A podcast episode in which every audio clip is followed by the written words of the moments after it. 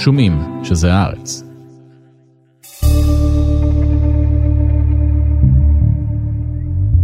לפני כמה ימים הופתעו תושבי שכונה יוקרתית מחוץ לשטוקהולם שבשוודיה, כששני מסוקי בלק הוק החלו לחוג מעל השכונה. מהמסוקים השתלשלו שוטרים מיחידה מובחרת, שהסתערו על אחד הבתים ועצרו את בני הזוג שהתגוררו בבית. Den senaste tiden så har det varit två väldigt uppmärksammade fall av spioneri. בני הזוג, ממוצא רוסי, גרים בשוודיה מאז שנות ה-90 והם חשודים בריגול לטובת מוסקבה. כמעט במקביל נעצרו שני האחים ממוצא איראני, שריגלו גם הם בשוודיה במשך עשור לטובת הרוסים. המעצרים האלה הם תולדה של פעילות קדחתנית של ארגוני הביון הרוסים ושל היריבים שלהם במערב מאז פרוץ המלחמה באוקראינה. לארגוני הביון הרוסים יש השפעה אדירה על רוסיה ועל העולם. הם מעסיקים מאות אלפי בני אדם שזוכים לפריבילגיות במדינה ומשמשים את הקרמלין לחיסול חשבונות ולשליטה באזרחים. היי, אני עמנואל אלבאס פלפס ואתם על חוץ לארץ. בפרק הזה אנחנו צוללים אל ארגוני הביטחון והריגול של רוסיה, מנסים להבין מה היכולות שלהם, איך הם קשורים למצב של רוסיה באוקראינה, ומדוע בשנים הקרובות הם הולכים להגביר את הפעילות שלהם ברוסיה ובעולם כולו.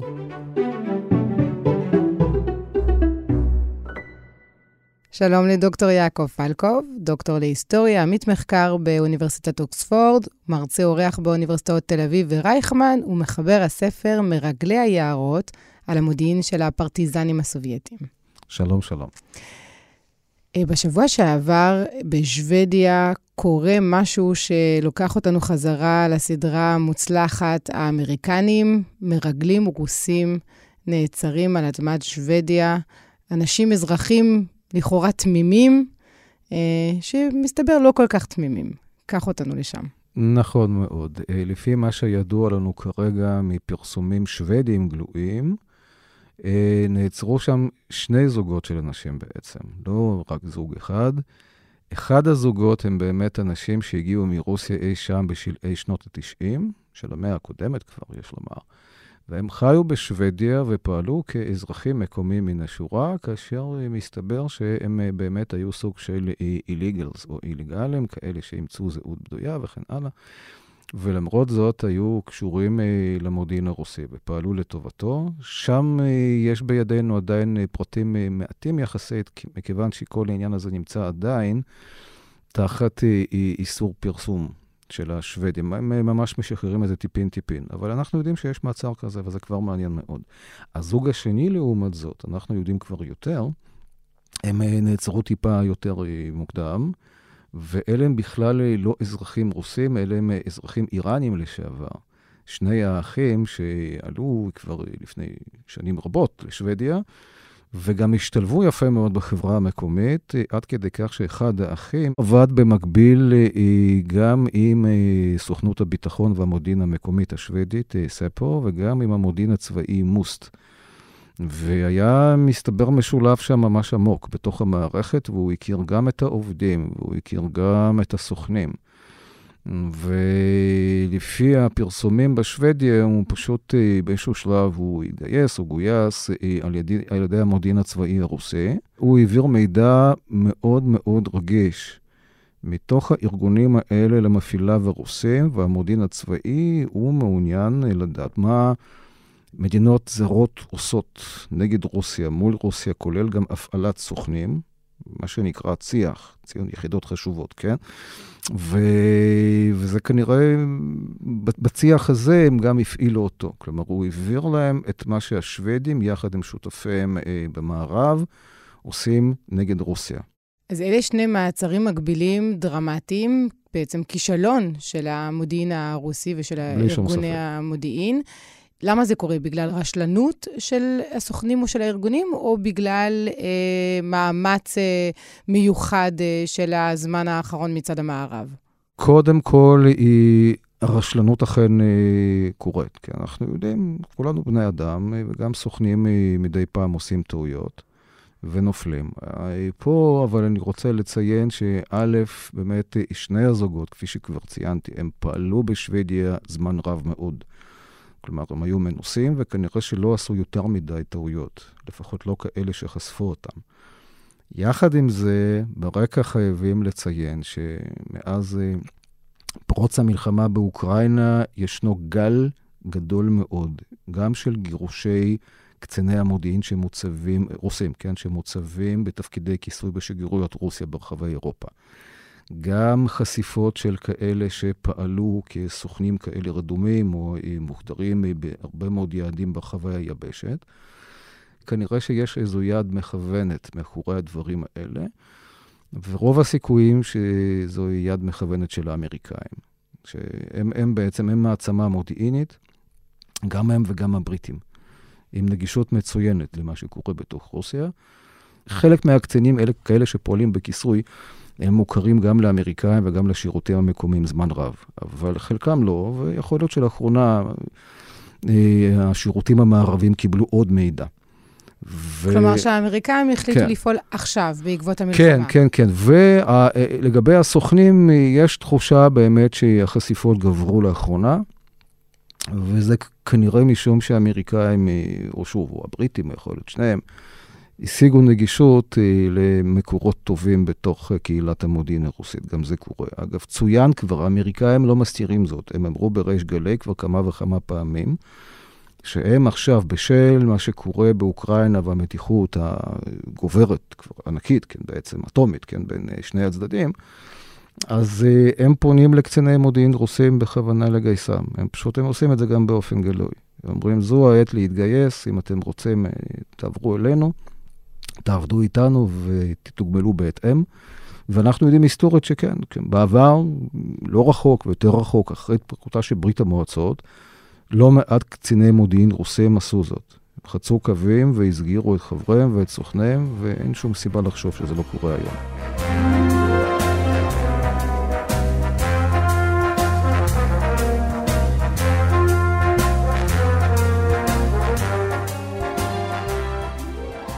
אז בואו ננסה לעשות סדר בארגונים השונים. אמרנו פה את המילה GU, גו, אה, שזה המודיעין הצבאי שכפוף למשרד אה, ההגנה. יש גם את ה-FSB, שהוא כפוף לנשיא, לוולדימיר פוטין. נכון. ויש עוד ארגון. ויש את ה-SVR או SVR, שהוא בעצם מקבילו של המוסד שלנו, או של ה-CIA האמריקאי. אז ממה נתחיל?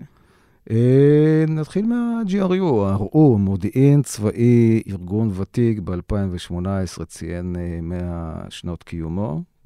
הוא הוקם אה, כמעט מיד אחרי המהפכה הבולשוויקית, אה, בראשית המאה הקודמת, והוא ארגון גדול, עוצמתי מאוד, אה, שחולש על כל מה שקשור לנושא של המודיעין הצבאי, גם מודיעין אסטרטגי מחוץ לרוסיה, לגבולות רוסיה, בעצם מודיעין חובק עולם, כי יש להם עניין כמעט כמעצמה, כן? יש להם לרוסיה עניין כמעט בכל מקום בעולם. כשאתה אומר גדול ועוצמתי, אנחנו יודעים כמה חברים הוא, הוא מונה? אה, לא בדיוק, אבל אנחנו יודעים שיש שם אה, אלפים רבים, אפילו עשרות אלפים של אה, קצינים וחיילים עובדים מן השורה. והוא ארגון שכמו שאמרתי, הוא באמת מתעניין, הוא פועל מול המערב בעיקר, אבל לא רק. למשל, סין מאוד מעניינת אותו גם, שוב, כי אחד מאיומי הייחוס של, של הרוסים הם גם אה, ההתעצמות אה, הסינית. אבל כשאתה אומר מעניינת אותו, זה אומר שיש סוכנים של ה-GU שנמצאים בסין, והחיים שם על איסוף מודיעיני. לפחות קשה, קשה לפעול בסין. הסינים בעצמם מעצמה מודיעינית, לא קטנה, כן? אז קשה. לרוסים היה היסטורית, הם ציינו בעצמם לא מעט פעמים. שקשה להם אה, לפעול בסין. אבל אה, כן, בהחלט, הם אה, מנסים. וגם מול שאר היעדים פה, גם באזור שלנו, הם נוכחים בסוריה. ולכן כל מה שקורה באזור ורלוונטי לנוכחות הזאת שלהם שם, וגם לשחקנים המרכזיים פה בזירה, כמו טורקיה, כמו ישראל, כמו ערב הסעודית. אז זה מאוד מעניין אותם. עכשיו, זה בעיקר בהקשר צבאי, של מה שיכול להיות רלוונטי לפעילות של הצבא הרוסי, אבל לא רק. ישנה תחרות מתמדת בינם לבין אה, שאר הגופים, גם אה, בצי"ח הלא צבאי, בצי"ח המדיני, הכלכלי, האסטרטגי. כל מה שניתן לדווח לנשיא פוטין, ולזכות בקרבה לאוזנו, מה שנקרא. אז כן, שר ההגנה וגם הרמטכ"ל מאוד מאוד רוצים שהמידע הזה יסופק, גם אם הוא לא ממש צבאי, ולכן הם אוספים גם מידע כזה. The CIA and other U.S. intelligence agencies have concluded the Russian government was behind the email hack into the Democratic National Committee and other political organizations. אמרת עכשיו זה לא רק מידע צבאי, התובע המיוחד האמריקני רוברט מולר הגיש כתבי אישום נגד חברים בארגון שפרצו למחשבים של המפלגה הדמוקרטית. בוודאי, בוודאי. יש להם פעילות ענפה מאוד אה, בתווך הקיברנטי. חובקת עולם מאוד מאוד אגרסיבית. ישנן תשתיות רבות אה, של ה-GRU עצמו ושל כל מיני גורמי פרוקסי שמסונפים אליו. זו בכלל תופעה שחייבים אה, לציין אותה בהקשר הזה של בכלל של קהילת המודיעין הרוסית. אה, אם בתקופה הסובייטית עד 91 הם פעלו אך ורק כגורמי הקהילה, כלומר מי שעסק באיסוף מודיעיני זה רק הגורמים הרשמיים שאותם כבר ציינו, אז אה, אחרי התפרקותה של ברית המועצות, וביתר שאת בשנים האחרונות, הם אה, גם מקיפים את עצמם אה, בכל מיני ארגונים שהם סמי-ממשלתיים ברוסיה, ובמעין ענן כזה של גורמי סיוע, שחלקם מודעים להיותם מופעלים על ידי המודיעין הרוסי וקונקרטית על ידי ה-GRU, וחלקם לאו דווקא. חלקם יכולים לשבת בכלל כל מיני פצחנים שיושבים בחו"ל. או שמשלמים להם ולא אכפת להם מי, או שיש להם איזו אג'נדה, כמו למשל אצל גורמי הימין הקיצוני בגרמניה, שהם רוצים לקדם אותה, ואז הרוסים באים ואומרים, אנחנו רוצים לסייע לכם, ואז הם מוכנים ללכת ולבצע את הפעולות האלה כביכול על דעת עצמם, כי זה משרת גם אותם. אבל בעצם הם יודעים או שלא יודעים, או שהם פועלים כמשוטים. גם איסוף מידע, אבל גם, את מציינת את הסיפור האמריקאי, גם השפעה. השפעה מדינית, פוליטית, זה אה, תחום עיסוק מאוד מאוד חשוב בפעילותם של, אה, של גורמי המודיעין הרוסים. ולערער את היציבות במדינות המערב. הם פיתחו תפיסה מדהימה, פרסמתי לאחרונה מאמר סביב הנושא הזה, פיתחו במשך עשרות שנים תפיסה מדהימה של איך עושים השפעה בחו"ל. זה מתחיל מפירוק או ערעור, עד כמה שניתן, כן, של בריתות שמפריעות לרוסיה, בדגש כמובן על ברית נאט"ו. ואחר כך, בתוך המרכיבים או המדינות, כן, של אותן בריתות, אז כן, אז נכנסים פנימה, מתערבים, לומדים את הסביבה המקומית, ומוצאים אה, גורמים שעליהם ניתן אה, ללחוץ, או באמצעות אה, שוחד, או באמצעות איסוף מידע מפלל. המידע המפלל הזה אפשר להגיש אותו באופן שקט, או אפשר פשוט לפרסם אותו. בריש גלי, היום במרשתת הכל אה, מיד אה, נפוץ וכן הלאה, וכך להביך את הגורם הזה. אנחנו יודעים שהדברים האלה נעשו, למשל, לפני כמה שנים בפולין, אה, כמה מדינאים מקומיים, כולל, אם אני טועה, גם שר החוץ. נוהגים לשבת באיזה, באיזו מסעדה, מסעדת יוקרה בוורשה, בחדרי VIP שם. ולדבר שם על ענייני עבודה. ואחד הגורמים הפולנים הבכירים פשוט משתלח שם באמריקאים. ממש, ממש מבקר אותם בלשון מאוד מאוד חריפה. וראו זה פלא, זה מוקלט. ולא רק מוקלט, אלא גם מוצא את דרכו למרשתת. וזה נורא מביך את הפולנים. ודיברנו על הבריתות האלה שמפריעות לרוסים, אמנם זה לא פירק את ברית נאט"ו, אבל להביך את ההנהגה הפולנית לתקופה מסוימת אה, גם אה, קצת לזעזע את הקשר שלהם, את החיבור שלהם לאמריקאים, זה עשה את שלו. אז זה מסוג הדברים שגם ה-GRU עושה אותם, גם ה-FSB, הארגון השני עושה אותם, וגם ה-SVR, כולם עושים אותם. זה שם המשחק. The British police believe these are the men who attempted to assassinate a double agent on the streets of the UK. Alexander Petrov and Ruslan Boshirov, probably aliases, are now the prime suspects in the attempted murder of Sergei Skripal. ו- ועוד uh, אחד מתפקידי אנשי ה-GRU, um, זה מה שגם מביא אותם לכותרות הרבה פעמים, זה חיסולים על אדמת מדינות זרות, כמו למשל אולי החיסול המפורסם, או הניסיון חיסול כן. המפורסם כן. של השנים האחרונות. סרגי סקריפל והבת שלו יוליה, 2018, באנגליה, סלסברי.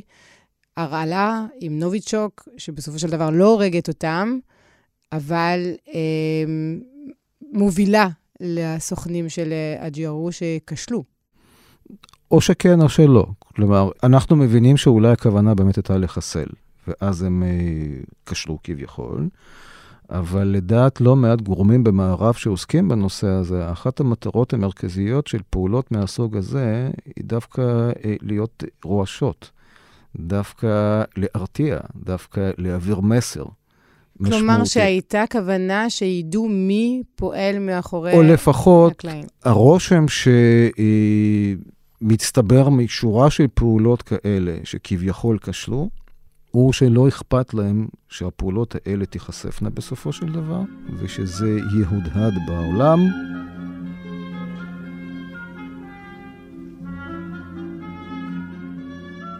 אז מי הם האנשים שמגויסים ל-GRU, והשתמשנו גם uh, במונח GRU ו-GU, אולי תיתן איזה הסבר קצר על השם הזה. שוב, ה-GRU זה השם המסורתי, Главное разведывательное управление, כן, זה, זה התרגום לרוסית או מרוסית, כן, זה מנהל מודיעין ראשי.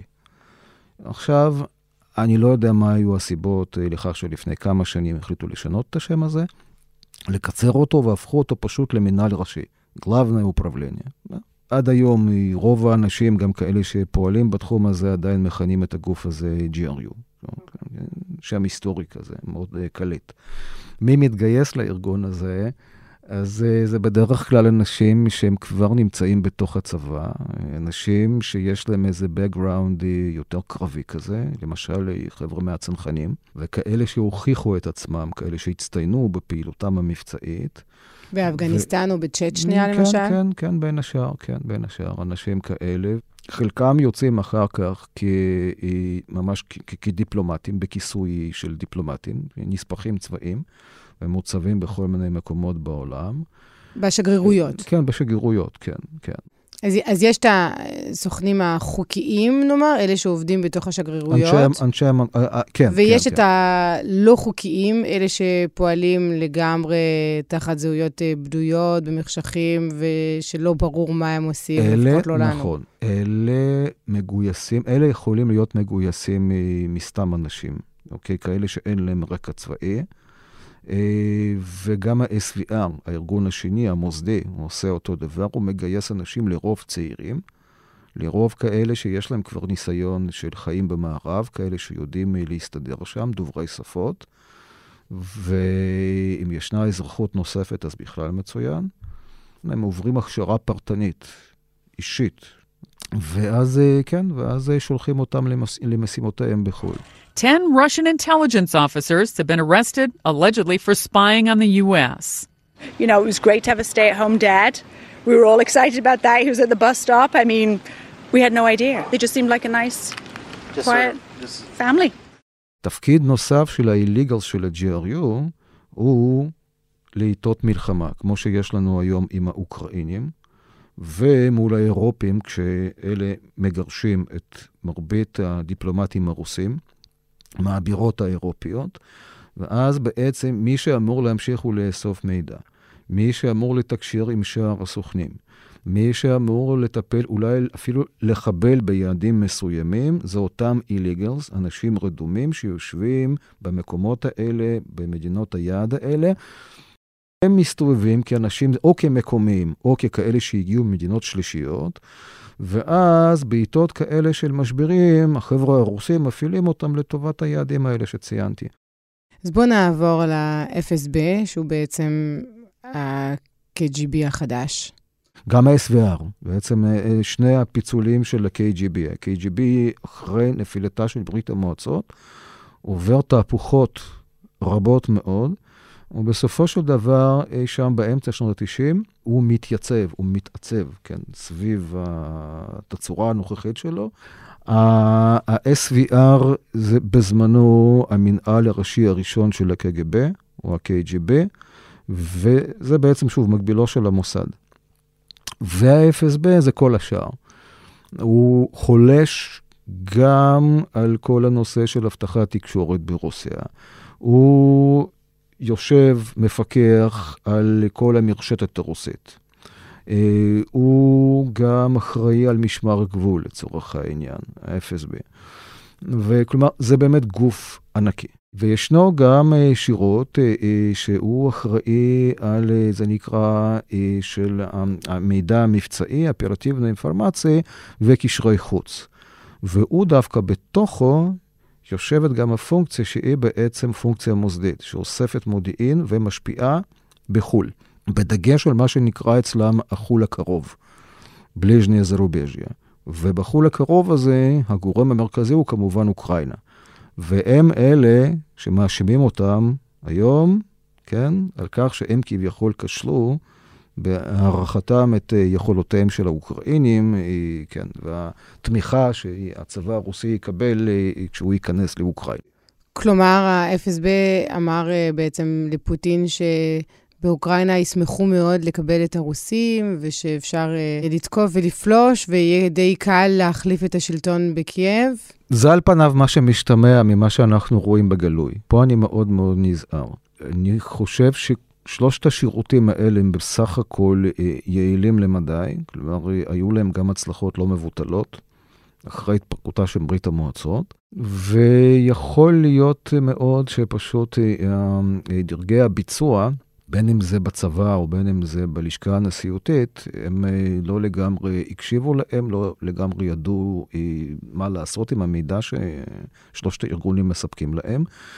כלומר, כל עוד אין לנו את המידע הפנימי, האינטימי, שיגיד לנו שאכן, הנה פה הם העריכו כך וכך, והם באמת כשלו, ואין לנו עדיין את האקדח המעשן הזה ביד, שיגיד לנו, הנה, זה היה המסמך שהונח על שולחנו של פוטין ערב הפלישה, והוא מטעה ומוטעה וכן הלאה, אין לנו עדיין. אז uh, היו כאלה שהזדרזו להגיד, כן, כן, כן, זה כישלון uh, מהדהד של המודיעין הרוסי. אני מעדיף להיות יותר זהיר. אני מעדיף להגיד, יכול להיות, אבל uh, כל עוד לא הוכחנו את זה, uh, אני חושב שהיה שם מהכל. היה שם קודם כל היכולות הלקויות של הצבא הרוסי. התקציבים שנגנבו והציוד שנגנב, נבזז או בכלל לא נבנה, לא נקנה וכן הלאה. והם קיוו שלא לא תהיה מלחמה גדולה. ובסוף היא אכן קרתה, הנשיא החליט מה שהחליט, ויכול להיות שהמודיעין דווקא התריע. אגב, מה שיכול להעיד על כך, הסיפור המפורסם של כינוס המועצה לביטחון לאומי ממש ערב הפלישה, והתמונה המפורסמת שם ראש ה-SVR נרישקין, יושב לו בפינה ופוטין ממש נוזף בו והוא לא מרגיש בנוח. Нет, я... Или, при, или, или признавать э, суверенитет их. А я... Я... говорите, говорите, говорите прямо. ה-SVR, אגב, הם האינטלקטואלים שבחבורה. הם גוף הכי חכם בתוך קהילת המודיעין הרוסית. אני הבנתי אז שהם כנראה לא היו בעד אה, מעשים קיצוניים. יכול להיות שכל הנרטיב שמתקבע בייחוד במערב, שפוטין מנותק, קיבל מודיעין לא נכון, והשירות המודיעיני שלו כבר לא מתפקד אה, כמו פעם, יכול להיות שכל הנרטיב הזה פשוט לא נכון? אז אמרת שני דברים שהם בעצם לאו דווקא חופפים. דבר אחד הוא לספק מודיעין שקרי, או לא שקרי, או אולי פשוט לא נכון. קורה גם שמסלפים, אגב, הרוסים מאוד אוהבים לסלף אצלם בתרבות, או, או שהם מסלפים כי הם רוצים פשוט לסלף, או שהם uh, פוחדים uh, מה, מהצרכן, ואז הם רוצים לספק לו את מה שהוא אה, רוצה לשמוע. אבל uh, זה לאו דווקא חופף עם זה שפוטין uh, מנותק. כלומר, יכול להיות שהם סיפקו מידע אמין למדי, מדויק למדי, אבל הוא, יחד עם זאת, הוא באמת מנותק. אנחנו, כל מי שעוסק בתחום הזה, עוד לפני הפלישה לאוקראינה, היו לא מעט סימנים לכך שהנשיא הרוסי באמת התחיל להקשיב לא רק לגורמי המודיעין שלו, אלא למשל לספיץ' רייטרים שלו, הרבה פחות מכפי שהוא הקשיב להם בתחילת דרכו כנשיא. היו לא מעט עדויות, כולל גם מפי האנשים שבינתיים עזבו את רוסיה והגיעו למערב, כולל גם לישראל. והם, רבים מהם העידו על כך שהנשיא צבר ביטחון, והוא פשוט עכשיו לא מקשיב לאף אחד כמעט. כולל גם לחבריו הכי קרובים, שליוו אותו בתחילת דרכו.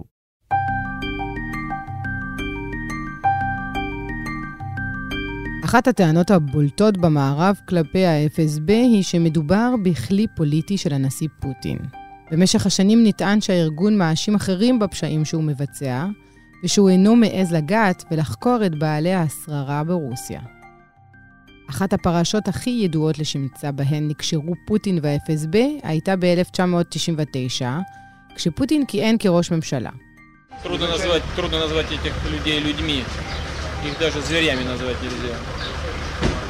הוא האשים בדלנים צ'צ'נים בשורה של פיצוצים בבנייני מגורים במוסקבה, שגרמו למותם של יותר מ-300 בני אדם. ההאשמה של פוטין הופרכה כאשר תושבים מצאו בבניין שלהם שקים עם חומרי נפץ, שבדיעבד התברר שהוטמנו על ידי ה-FSB. סוכנות הביון מצידה טענה שהשקים הונחו בבניין כחלק מתרגיל נגד טרור, ושהם מכילו סוכר בלבד.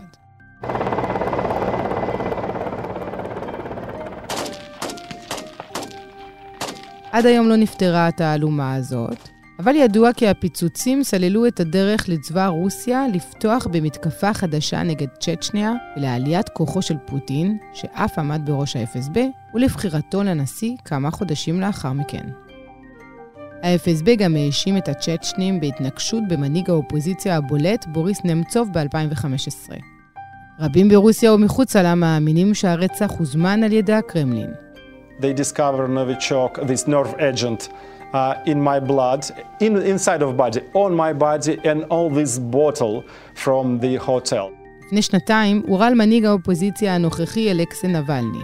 הוא שרד, ולאחר מכן שב לרוסיה ונשלח למושבת עונשים. לפני מאסרו, נבלני וקבוצת עיתונאים עצמאיים הצליחו לחשוף את המתנגשים בו, חוליה חשאית מיוחדת של ה-FSB. הייתי רוצה אה, לנסות להבין מה ההשפעה של הארגונים האלה אל תוך החברה ברוסיה. כלומר, גם האם יש הבדל בין מעמדות בין הארגונים? אמרת שה-SVR זה ארגון האינטלקטואלים.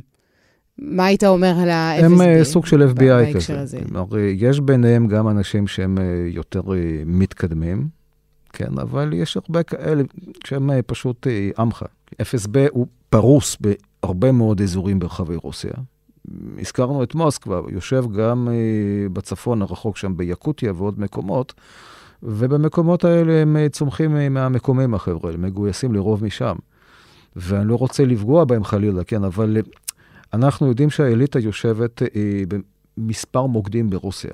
אוקיי, שזה מוסקבה, סן פטרסבורג, גם נובוסיבירסק למשל, בסיביר, מקומות מהסוג הזה. בשאר המקומות, החבר'ה האלה, הם יותר קרובים לעם, הם יותר קרובים לבסיס, הם אה, חיים אה, את החיים הרגילים, הפשוטים, היומיומיים, שכולם פלוס מינוס חיים אותם. מה המוטיבציה להתגייס לארגון? אה, לרוב זה פשוט עבודה. תחשבי שוב, אמרתי יקותיה, תחשבי עוד כל מיני מקומות, המחוז הזה, בוריאטיה, שממנו גויסו הרבה מאוד לוחמים שנלחמו באוקראינה וגם ביצעו שם כל מיני זוועות. במקומות האלה לרוב אין מה לעשות. אין שם אה, כלכלה מפותחת, אין תשתיות נורמליות. אנשים, אה, כל אה, מי שמתגייס או מתגייסת שם, יש, יש, יש לו עולה איזו עבודה, אז הם, הם שמחים לקבל אותה. ההערכה היא שיש בין 250 אלף ל-300 אלף חברים בארגון. זה עצום. זה ארגון עצום, אבל שוב, חייבים להתחשב, כמו שאמרתי, בזה שהוא חולש גם על משמר הגבול, הוא חולש על עוד גופים, אז לכן זה ארגון ענק.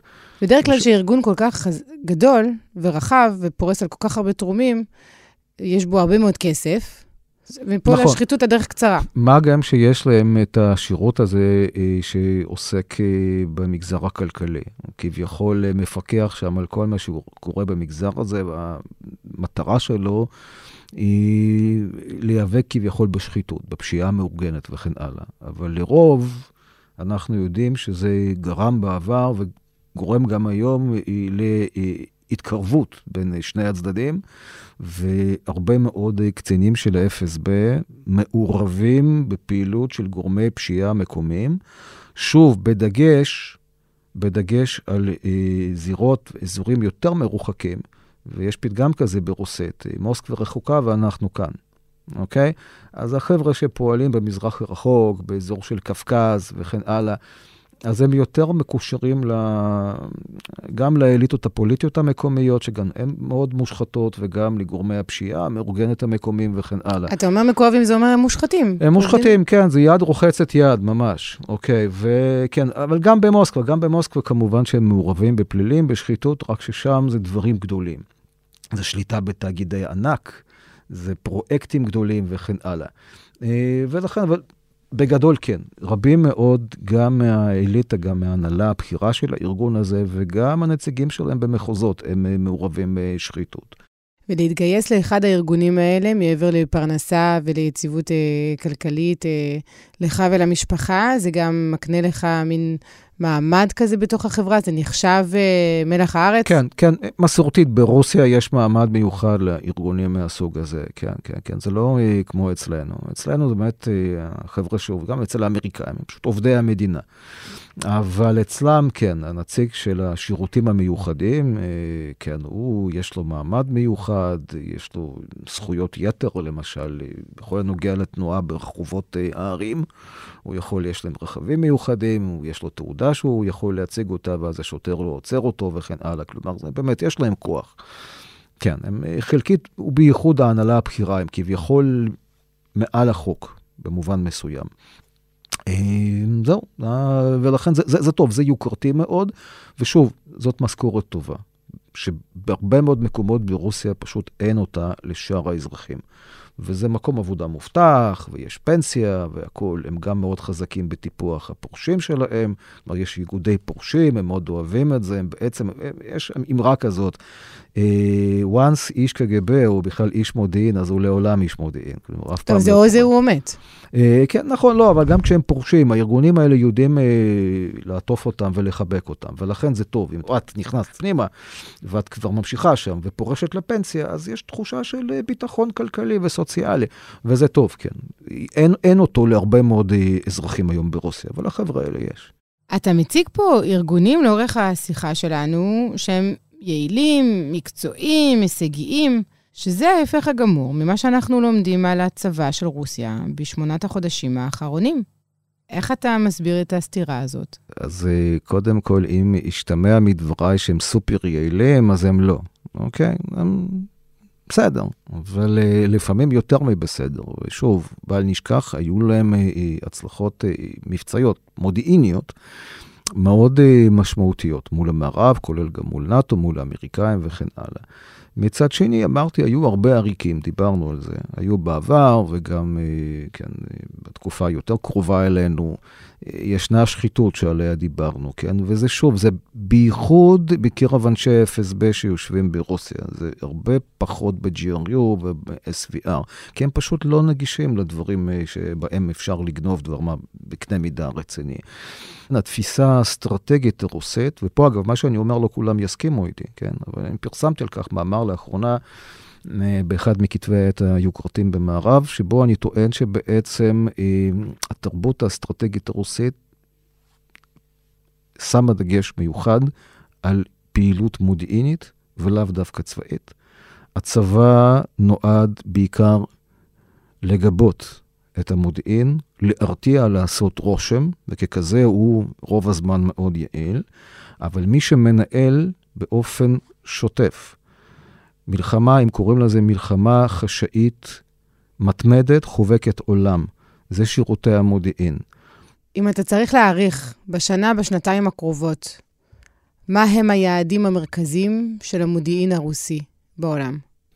אז אה, קודם כל, אה, אנחנו לא יודעים מתי יסתיים העימות הנוכחי באוקראינה. אז עכשיו כמובן הדגש המרכזי מושם על אה, סיום המבצע הזה או המלחמה הזאת לשביעות רצונו של הקרמלין. ולכן הם ימשיכו לאסוף מידע ולהשפיע, לנסות להשפיע גם באוקראינה גופה וגם בכל המעטפת, גם הזירתית האירופית וגם העולמית שקשורה לאירוע הזה. מעבר לזה, אחר כך רוסיה תצטרך אה, איכשהו לצאת, לצאת מהפלונטר העצום הזה שהם אה, בנו לעצמם. אה, להשתקם איכשהו, לשקם את יחסיה עם גורמים שונים, אז כן, הדגש המרכזי יושם גם על איסוף מידע וגם בעיקר על השפעה השפעה פיזית וגם באמצעות מהלכים למיניהם. כבר היום אנחנו מזהים את הפעילות המסיבית שלהם במה שנקרא מדינות העולם השלישי. באפריקה, באמריקה הלטינית, באסיה וכן הלאה. כלומר, הם די מצליחים שם, גם במישור המודיעיני השפעתי וגם במישור הדיפלומטי. ואנחנו רואים את זה גם באו"ם, במקומות נוספים, ואני חושב שהם אה, יעשו זאת אה, ביתר שאת. אה, מעבר לזה, מכיוון שהם נתונים לסנקציות היום מאוד מאוד משמעותיות, אז הם כנראה יעשו את מה שהם עשו כבר קודם, הם ינסו לגנוב כמה שיותר מידע וטכנולוגיות חדישות. והם יעשו את זה עכשיו ביתר שאת. אין מנוס, כי הם פשוט לא יקבלו את מה שהם קיבלו קודם באופן חופשי, גם את זה הם היום אה, לרוב אינם מסוגלים לעשות. אז הם יפעלו גם שם, וכמובן, וכמובן, מכיוון שהמלחמה הזאת, בסך הכל, אה, בהסתכלות רחבה אסטרטגית, מסתיימת, אם וכאשר כן, היא תסתיים, אה, היא תסתיים לא טוב עבור העם הרוסי, והוא יסבול מאוד.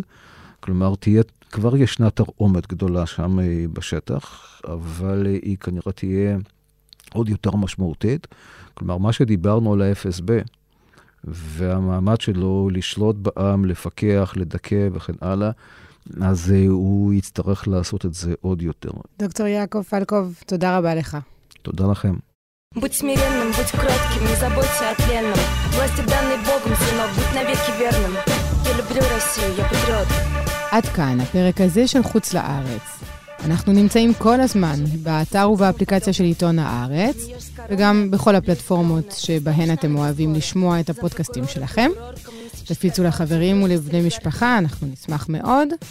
תודה רבה לאסף פרידמן, לאברי רוזנצבי, לאמיר פקטור, לשני אבירם ולרועי סמיוני. אני עמנואל אלבס פלפס, ונשתמע בשבוע הבא. Будь смиренным, будь кротким, не заботься о тленном. Власти данной Богом, сынок, будь навеки верным. Я люблю Россию, я патриот.